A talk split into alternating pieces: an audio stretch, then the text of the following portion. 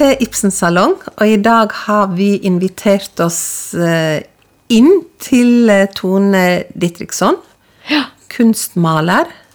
ja. Eh, Og det var jo veldig hyggelig at vi fikk komme hit i dag, Tone. Er veldig hyggelig at dere kom òg, da. Vi har jo samarbeida litt før. Eh, Og du har jo fordypa deg i Ibsen, må en si. Du er jo blitt en skikkelig Ibsen-kjenner. Ja. Jeg må vel si det. Ja, det vil jeg si at du er. Og, og, så har du laga din egen eh, fond på det, og det syns Ja. jeg er veldig spennende. Ja. Da du var på Ibsen-museet sist, så var det jo med Villanden.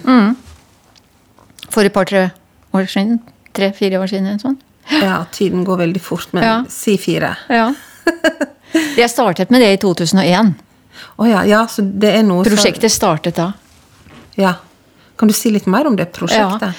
Jeg kan, jeg kan si det at eh, jeg ante ikke konsekvensen av hva jeg gjorde. Jeg, og det tror jeg ingen gjør. Når du, når du, når du går inn i Hen Henrik Ibsens litteratur, så, så må det jo skje noe med deg, særlig hvis du blir der en stund. Og jeg kan jo nevne én veldig positiv ting og én negativ ting. Sånn, det positive det, det er at du blir kjent med deg selv, og det negative det er jo at du blir kjent med deg selv.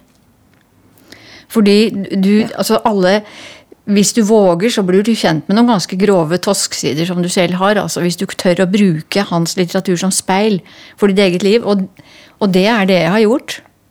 Og ikke bare mitt, men veldig mange andres. For nå har jeg eh, bruker jeg dette Altså, jeg brukte fire-fem år på maleriene. Og, og det var Det startet med et samarbeid med Morten Krogvold. Eh, hvor eh, Det var hans idé, rett og slett, til at i 2006, da er det 100-årsmarkering for Henrik Ibsens død. Og det blir jo markert over hele verden. Så la oss gjøre noe på det. Og så sier Morten at nå kan du, kan vi ikke gjøre det sånn at du nå nærmer deg fotografiet med dine arbeider, og så skal jeg nærme meg maleriet. Så begynte det sånn. Og så eh, kom Astrid Sæther, som da var leder for Senter for Ibsen-studier, og så på eh, arbeidene. Og så sier hun bare det til meg at eh, du må være med til New York og treffe verdens ledende Ibsen-forskere. Og det gjorde jeg i 2004, for da var det tiårsmarkering. Eh, Og så var det snakk om å få denne utstillingen til USA, og da mente de at da var det lurere om vi var en større gruppe kunstnere. Og så fikk vi med Håkon Bleken, som hadde Hedda Gabler, og Gro Hjartå, som er fotograf, som reiste Ibsens fotspor.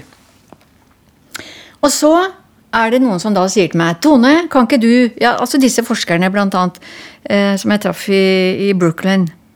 Kan ikke du fortelle litt? Og så begynte jeg å fortelle, og så ble jeg veldig overrasket over hva som kom ut av munnen min. For jeg hadde ikke snakket så mye om det. Og, og, og, så jeg, skjøn- og så skjønte jeg det at jeg hadde faktisk skjønt mye mer enn jeg trodde jeg hadde skjønt. Enn jeg, enn jeg visste. Når jeg gapet opp munnen, og det kom ut ting der òg, så kom det så mye. Og så eh, Altså, man begynner på et prosjekt. Og så åpnes det opp noen nye dører, og så går du der med et brennende hjerte og, og graver og graver og søker og søker, og plutselig så finner du en skatt som du ikke ante om eksisterte engang. Det er sånn jeg har opplevd dette her. altså. Og, og nå har jeg holdt denne tolkningen min av Villanden for, for jeg tror det er 2500 mennesker nå. Ja. Det er jo fantastisk. Jeg har møtt veldig mange som har vært på eh, foredragene dine. Har du det? Ja. Det har vært en stor opplevelse for eh, alle. Det er veldig morsomt å høre Å, det er herlig. Ja. Det er herlig ja, det er veldig morsomt å, å høre hva Du har snakka til de mm, personlig. Det er veldig Ja. ja. Det Ja, det er, det er veldig hyggelig at du sier det, da, som også er en sånn Ibsen-kjenner. Men jeg, jeg, jeg har nok opplevd det at det spiller ingen rolle hvem som hører dette. For dette er ikke for, for eh, spesielt utvalgte. Dette er for mennesket. Det er for alle. Jeg holdt på barneskolen og ungdomsskolen og eh, politikere. um, Altså, altså grupper innen alle arenaer. Så treffer det fordi Henrik Ibsen snakker til oss.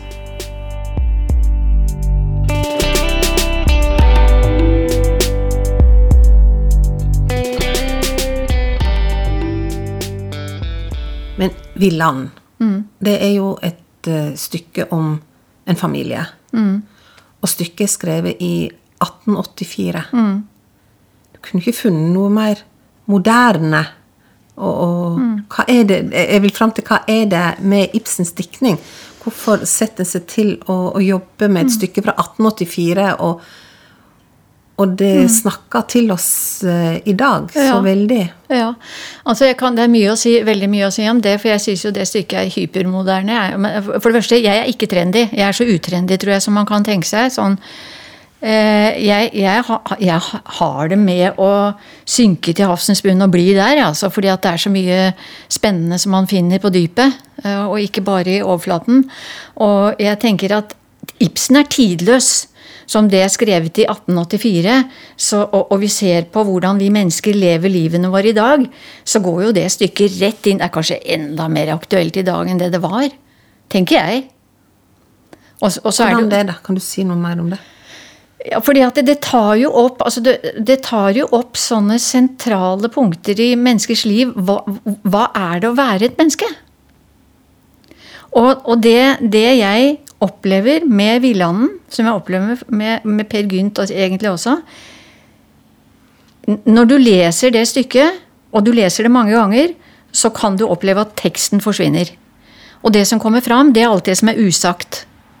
Det er det som står mellom linjene. Og det er der jeg tenker at du blir med, altså du blir ansvarlig for hva, kom, hva, hva du selv Det tankestoffet som kommer, det er du ansvarlig for, for det kommer fra din egen underbevissthet. Det er deg. Det er iallfall spor av deg. Og eh, om dette er en handling som Ibsen skrev i 1884 og, og, og, og det var vel også sånn da at det var en del som sa at eh, han fikk vel ganske hard medfart for, i begynnelsen, tror jeg, av kritikere, og de mente at dette kunne aldri skje. Så, så det at Hedvig f.eks. tar livet av seg, så tenker jeg det at eh, jeg Det er ikke ni karakterer i Villanden. Det er jo bare én. Disse karakterene de smeltet jo sammen til én, så det er jo meg. Jeg er jo alle. Jeg er Gregers. Jeg er Hjalmar. Jeg er Gina. Jeg grosserer værlig. Jeg kan manipulere. Jeg, jeg kan, og jeg er uskylden. Jeg er Hedvig. Jeg er det betingelsesløse barnet. Eh, la oss, hvis jeg skal snakke, litt om Hedvig. Fordi hun er eh, eh, Altså, alle karaktertrekkene er viktige, men Hedvig er det første som kommer til ethvert menneske. Alle mennesker er født med den kraften som er betingelsesløs. Som er ren kjærlighet. Det som, for, det som for meg er Hedvig. Det som kommer til verden og stiller spørsmål av nysgjerrighet og ikke mistenksomhet. Det som har undring. Det som er kreativiteten. Altså selve kraften i mennesket. Det rene. Det som vi mister ofte på veien. Det er Hedvig. Og Hedvig er samtidig det som først får hagl. Fordi det, det er ikke noe annet. Er, først så er vi bare den kraften som er Hedvig, og så får vi hagl, altså sjelesår. Og så lukker vi oss selv inn, og så vokser de andre karakteregenskapene opp. Som eskapisten Hjalmar, f.eks., som jeg syns har veldig mange likestrekk med Per Gynt. Ja, for det er jo mange skadeskutte i villaen, vil jeg si. Ja, det er vel alle sammen mer eller mindre skadeskutt. Og Hedvig også, som da eh, Jeg pleier å spørre disse når jeg, når jeg, foredrar om eh, Villanden. Hvor- Hvorfor? Fordi, fordi stykkene er så fulle av symboler. Hvorfor er Hedvig Hvorfor har hun en øyensykdom? Og da sier jo veldig mange at ja, men det, når vi vet at grosserer Værle er hennes kjødelige far, så er jo dette en arv. Ja, ok, ja, det er arvesynden, og det ligger i genene. Men så tenker jeg Det er jo noe annet òg her, for hva skjer med barn som vokser opp i et miljø med en mor og en far, eller stedfortredende sådanne, som er helt avhengig av livsløgn eller fortrengningsmekanismer og dekke over ting for i det hele tatt å orke sine egne liv. Hva skjer med barnet da? Jo, da blir barnet smittet. Fordi vi mennesker er så enormt smittsomme. Vi lekker, det renner ut av oss, og vi suger til oss som trekkpapir. Og det gjør, det gjør vi jo som barn òg. Det som mor og far sier, det er jo sannheten. Derfor blir jo Hedvig blind. Og de sier jo Hjalmar òg. Kvitrende som en liten fugl flagrer hun inn i livets evige mørke. Og det gjør hun jo vitterlig også, fordi hun lever i en familie som er veldig fortrengt. Men jeg tenker at det er jo flere måter å se på det, fordi at eh, Hedvig hun er jo begynt å bli blind. Men hun ser jo veldig mye.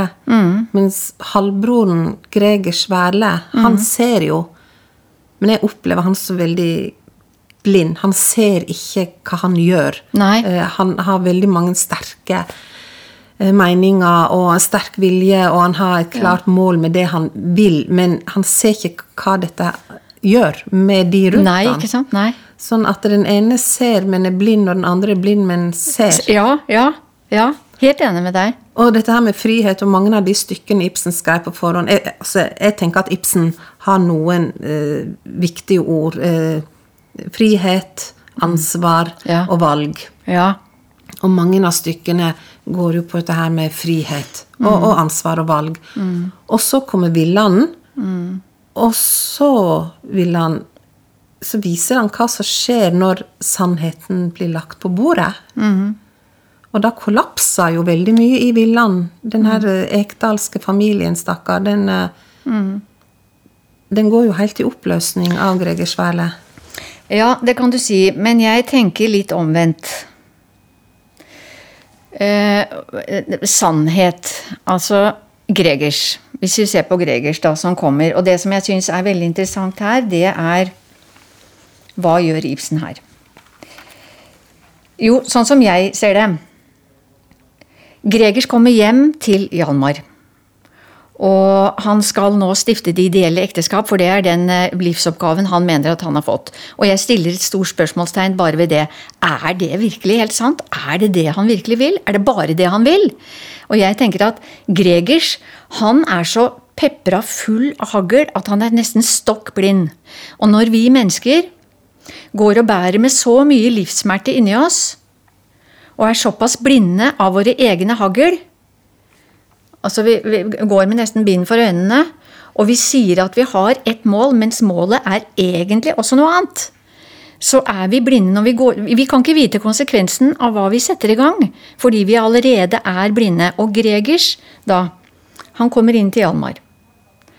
Og så har han funnet ut at nå skal han bli værende i byen, og han vil leie nei, leie rom hos familien Ekdal. Eh, og så spør Hjalmar, men du, når du nå skal være her i byen, hva, skal du gjøre? Hva skal du foreta deg? Nei, visste jeg det, du. Men når man har det kors å bære og hete Gregers, også Værle, kan du tenke deg så fryktelig som heter Gregers Værle. Jeg har lyst til å spytte på en som heter noe sånn. Nei, jeg har ikke hørt på maken, sier Hjalmar. Hvis ikke du skal hete Gregers, hva skal du hete da? Nei, kunne jeg velge, så ville jeg aller helst ha vært en hund. En hund, sier Gina. Ja, en sånn flink hund som dykker ned på havsens bunn og henter opp villrener som biter seg fast i bunngresset. Men når man har det kors å bære, å være Gregers, Værle, sånn som jeg er det, og dette sier han to ganger, å ha det kors, å bære det kors, og hvem var det som bar korset? Det var Jesus. Og så avslutter han med, når Hedvig har tatt livet av seg, og han prøver da å formidle at Hedvig døde ikke forgjeves. Så du ikke det som skjedde med Hjalmar nå? Det var noe storladent som vil komme til å vokse i han så lenge han lever. Skal gi deg tre kvart år. Men de første blomstene er visnet for Hedvigs grav, så er ikke dette noe annet enn et vakkert deklamasjonstema for Hjalmar Ekdal, sier doktor Elling. Og så svarer Gregers ja, hvis du har rett og jeg har feil, så er jeg redd. Så, nei, så er jeg glad mitt bestemmelsessted er det det er. Ja, men hva er deres bestemmelsessted? Og det er å være 13. mann til bords. Og hvem var 13. mann til bords? Det var jo Judas. Så da, Og jeg syns det er så genialt å tenke sånn. Er han da Judas, eller er han Jesus? Hvor, er, hvor, hvor finner vi da eh, Gregers? Han konkluderer jo ikke med, med, noen ting. Og jeg tenker det. Jeg tenker også det at eh, Når han går inn i denne familien med urent motiv Han er ikke der for å redde Hjalmar. For han, ha, han, han ville ha hevn over far, blant annet. Over far som har ødelagt livet hans, og som har ødelagt mor. Han skyter fra hofta og tenker overhodet ikke konsekvenser.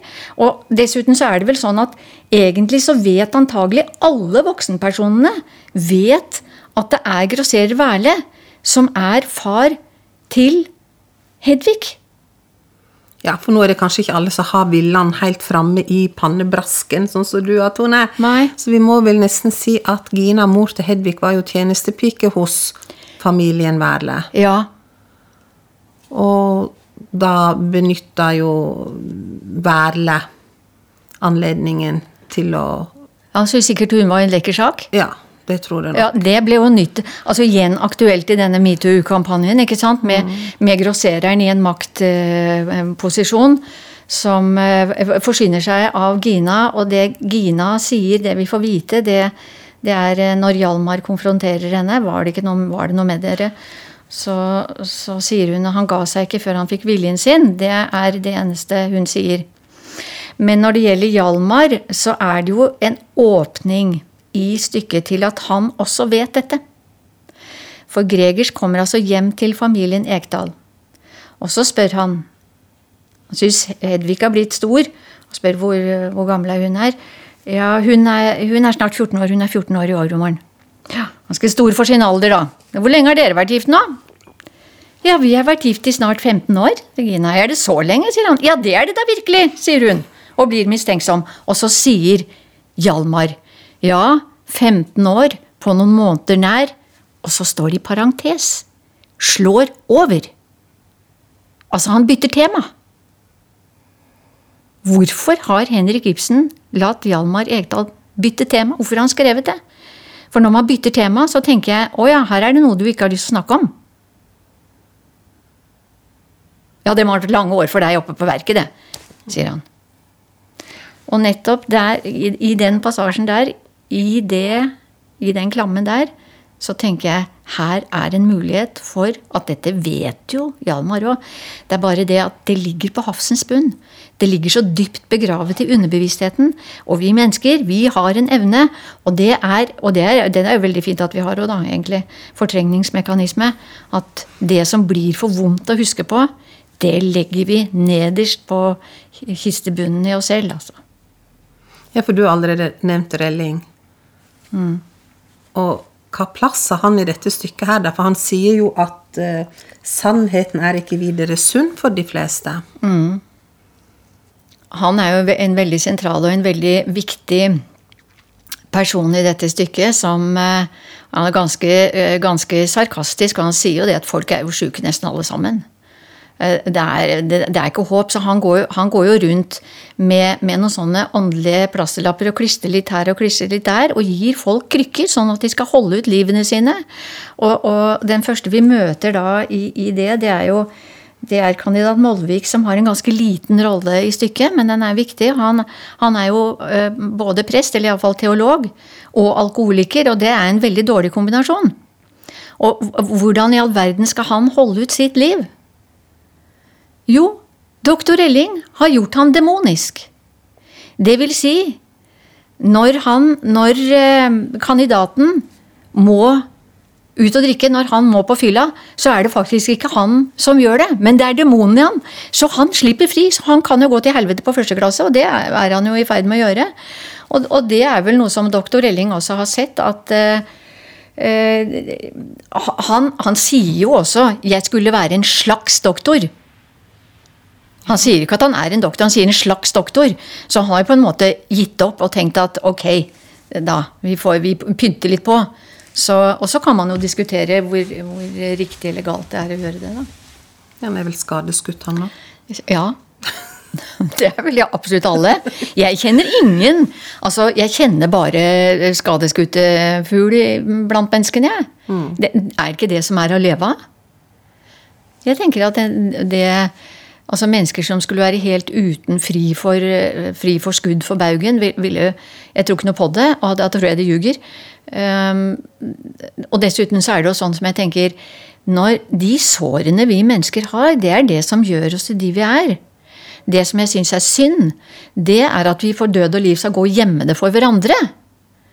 Hvorfor kan vi ikke dele litt mer? Være litt mer åpne? Jeg har merket det for mitt vedkommende, iallfall, når jeg tør å si hvor mye angst jeg har hatt angst i 30 år. Jeg.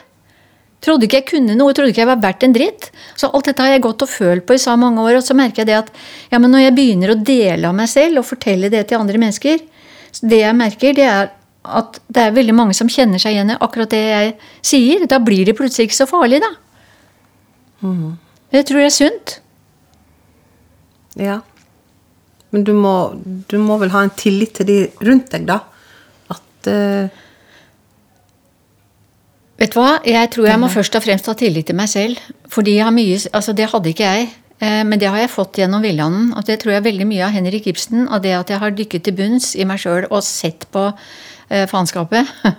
og sett på alt det jeg har av hagl, og alt det dumme jeg har gjort. Og, um, og turt å ja, så, har jeg, så har jeg blitt Jeg har rett og slett Jeg har blitt veldig glad i meg sjøl, da. Jeg mener det. Men må ikke vi ha ei livsløgn eller det, det, er litt morsomt, Vi har mange eh, elever hos oss da på Ibsenmuseet. Mm. Og det er ofte tiendeklasse jobber med villaen. Mm. Og når jeg spør dem ja, må vi ha en livsløgn, er det Nei. Og de er veldig på at nei, kan ikke ha, de kan ikke lyge. Skal ikke ha livsløgn. Alt må fortelles. Mm. Og så kommer de tilbake tre år seinere og går siste året på videregående. Mm. Og, det, og, så spør jeg det samme spørsmålet da, og da sier du jo den, den, må vi ha. Vi har alle en livsløgn, og den må ikke vi mm. eh, miste. Mm. Så jeg syns det er litt spennende hva som skjer mellom de tre åra. Ja, det kommer litt an på hva de mener legger med livsløgn. Altså, jeg pynter jo fremdeles, jeg er jo helt klar over det. Og det, altså, vi har jo det begrepet 'å ljuge så du tror det sjøl'. Og, og, det gjør jeg sikkert enda. Men jeg ljuger mye mindre enn jeg gjorde. Jeg, jeg har ikke den um, nødvendigheten av å skjule altså, Du vet at jeg tror alle mennesker har en frykt for å miste. Jeg tror den er grunnleggende hos alle mennesker. Angsten for å bli forlatt, angsten for å miste.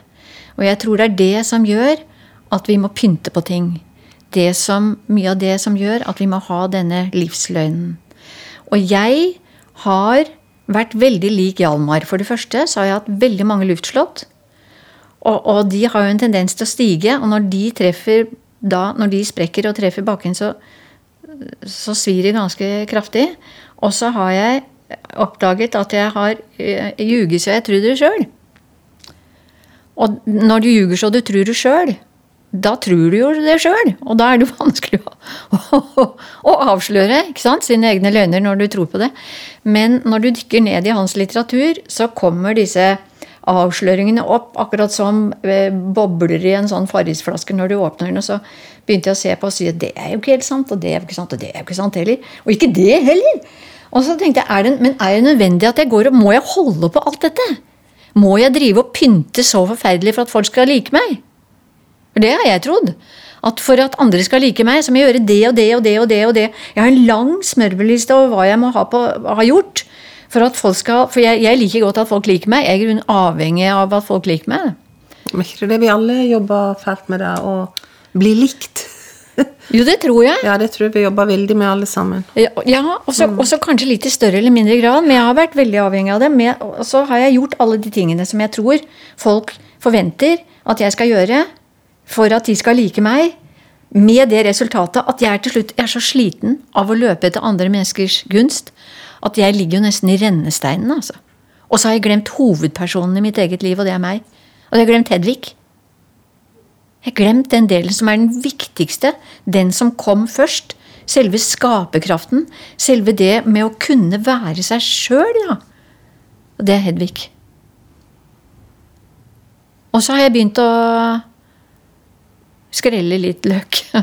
Begynte å få, ta opp litt hagl og, og, være, se litt mer på meg selv. Og så trenger jeg i hvert fall ikke så mye av den pynting som jeg gjorde. Når du sier skrelle løk, da er vi jo på Per Gynta. Mm. Og der er jeg jo nå. Det er voldsomme krefter du setter i gang. Blir du matt? så er du nede på havsens bunn, og så er det løk. Ja. Det svir jo det, da. Ja. Livet er eh, livsfarlig på mange måter. Eh, det er fantastisk, og det er voldsomt, og det er kraftfullt. Og altså, jeg, som jeg sa sånn innledningsvis, jeg visste ikke konsekvensen av å gå inn i Henrik Ibsens forfatterskap. Men jeg, altså, nå, er, nå, kjenner jeg det at det er jo ingen vei tilbake. For nå har jeg fått tak i noe, nå har jeg sett noe i meg som jeg aldri så før. Og jeg har sett, sett mye i andre, fordi jeg har fortalt dette til 2500 mennesker. Og, og, og, vi er gjerne sammen et par dager i strekk. Og, og, diskuterer og har oppgaver og tenker hvordan kan vi bruke dette stykket villanden i, i, eget liv, hvordan kan det reflektere oss? Og så har jeg mange oppgaver stilt opp mot, uh, mot det som, som, vi arbeider mot. Da. Og når det gjelder uh, Per Gynt nå med å, å, skrelle løk og alle disse karakterene vi treffer i Per, så det, det er på mange måter det helt, For det første så er det jo et dikt. Alt er på rim. Det er, det er eh, fantastisk. Det er eventyrlig. Og det handler om livet. Og det jeg Det er så voldsomt, det stykket Per Gynt, og jeg har nå har jeg laget 18-19 malerier og begynt å skrape i overflaten. Jeg, jeg har ikke gjort mer, selv om jeg kjenner at jeg kunne snakke om dette i mange timer, det også. Men jeg finner jo en del av de samme karakterene i Per Gynt som, som i Villanden. Og jeg ser jo også det at persongalleriet i Per Gynt Sånn som du spiller på scenen med masse forskjellige karakterer, så, så har jo jeg Jeg har jo bøygen i meg. Og jeg har knappestøperen, gudskjelov og takk, i meg. Og jeg har jo Per, jeg har jo Eskapisten, og, og jeg er blitt veldig glad i Per òg. Det, det, det, er jo menneskelig å være Per. Og Åse, ikke sant, som syns det er vondt å se skjebnen under øynene. Og Hvorfor du at du heldigvis har knappestøperen i deg? For mange mm. syns jo han er virkelig skremmende. Men du er glad for å ha en knappestøper? Ja, det for meg så er knappestøperen det, det i meg som konfronterer. Det som viser meg speilet. Se her, se her, Tone. Hvordan syns du at du selv har gjort Altså en del av eh, eh, samvittigheten. Og jeg tenker hvis jeg ikke hadde hatt Det er jo det som redder Per, tenker jeg. Hvis han ikke hadde hatt muligheten til å se. Han ser jo det gjennom stykket. Eh, det er vel derfor han blir så plaget òg.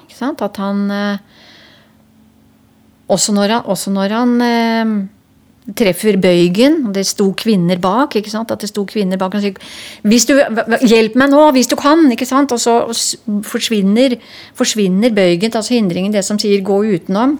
Så han, han napper jo borti noe hele tiden. Han driver jo en voldsom indre kamp.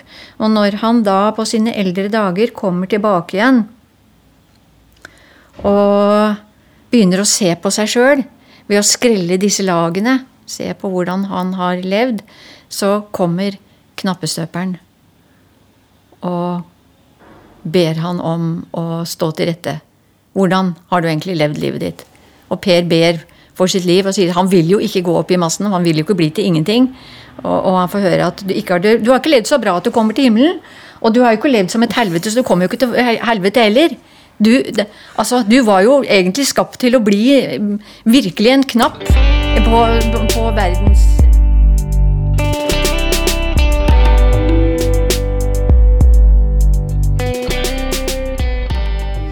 Men har du tenkt å jobbe deg gjennom hele forfatterskapet til Ibsen?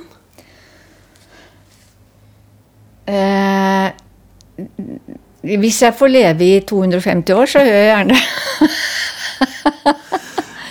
Men det spørs, da, om jeg rekker. For jeg bruker jo så lang tid. ikke sant, nå. Eh, med Per Gynt nå, Jeg startet vel med dette i august, så det er jo ikke lange stunden. Så jeg må jo ha i hvert fall, par, hvert fall to år til på det. Fordi på hver side av Per Gynt så finnes det jo ting å ta tak i. Mm. Og analysere og stupe inn i. Også det som jeg har nevnt litt for deg med, med Per Gynt og Goethes Faust, eksempel. Og trekke noen paralleller der. Eh, og til norske folkeeventyr, hvor eh, Henrik Ibsen også har hentet mye inspirasjon. Selv om jeg, når jeg jobbet med, Henrik, når jeg jobber med hans dramatikk, så og det er, ganske, det er, sikkert ganske fælt å si, men jeg, jeg, er egentlig ikke så opptatt Jeg er egentlig ikke så opptatt av hva Henrik Ibsen mente. Jeg er ikke på jakt etter han, altså. Jeg er på jakt etter meg sjøl. I hans sin diktning? Ja. Så sånn sett er ikke jeg noe Henrik Ibsen-forsker, men jeg forsker i, på min måte. I, jeg har jo ikke noe oppskrift på hvordan man skal forske, men jeg stuper inn, og så blir jeg der. Og blir der og blir der og blir der. Mm. Og, og, finner biter med meg selv som jeg kan bruke i eget liv. Og fordi at jeg har kunnet bruke så kolossalt mange biter for å hjelpe andre mennesker, og fått hundrevis av takkebrev for fordi jeg kjenner det samme som meg, da.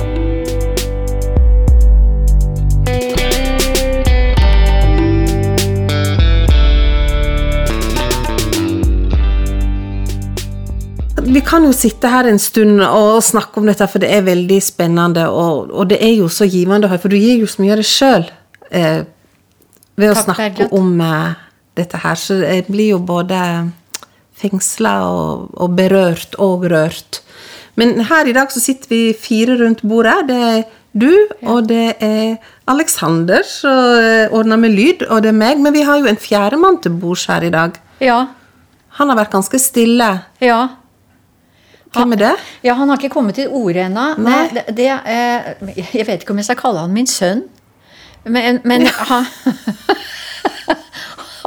han kom i hus for to dager siden. Ja.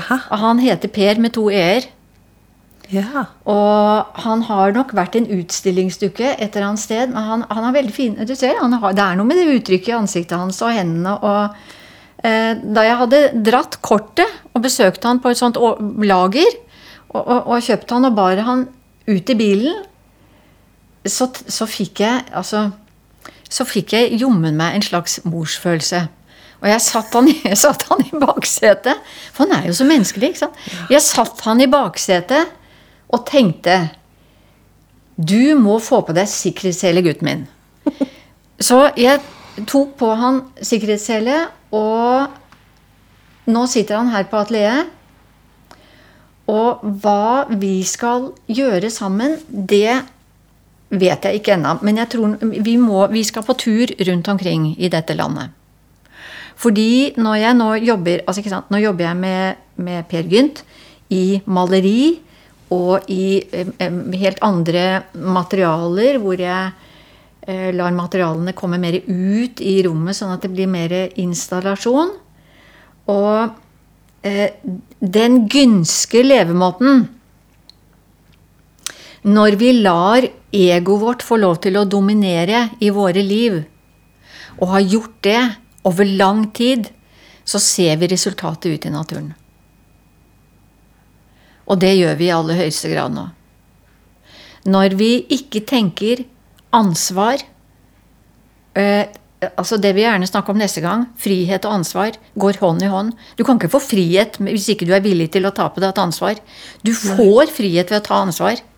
Og, og eh, her er, i, i, menneskenes liv så er det så total mangel på Altså veldig stor mangel på ansvar. Og konsekvens. Og det må vi gjøre noe med. Og da tenkte jeg å ha med meg Per ut på tur. Og så får vi se hva det blir til, hva vi kan gjøre. Det høres kjempespennende ut. Og jeg er veldig glad du sier at neste gang vil jeg snakke om, for da tror jeg vi kan gjøre en avtale nå. Ja. At uh, vi avslutter nå. Ja. Og så kan du få komme deg ut med Per. Ja.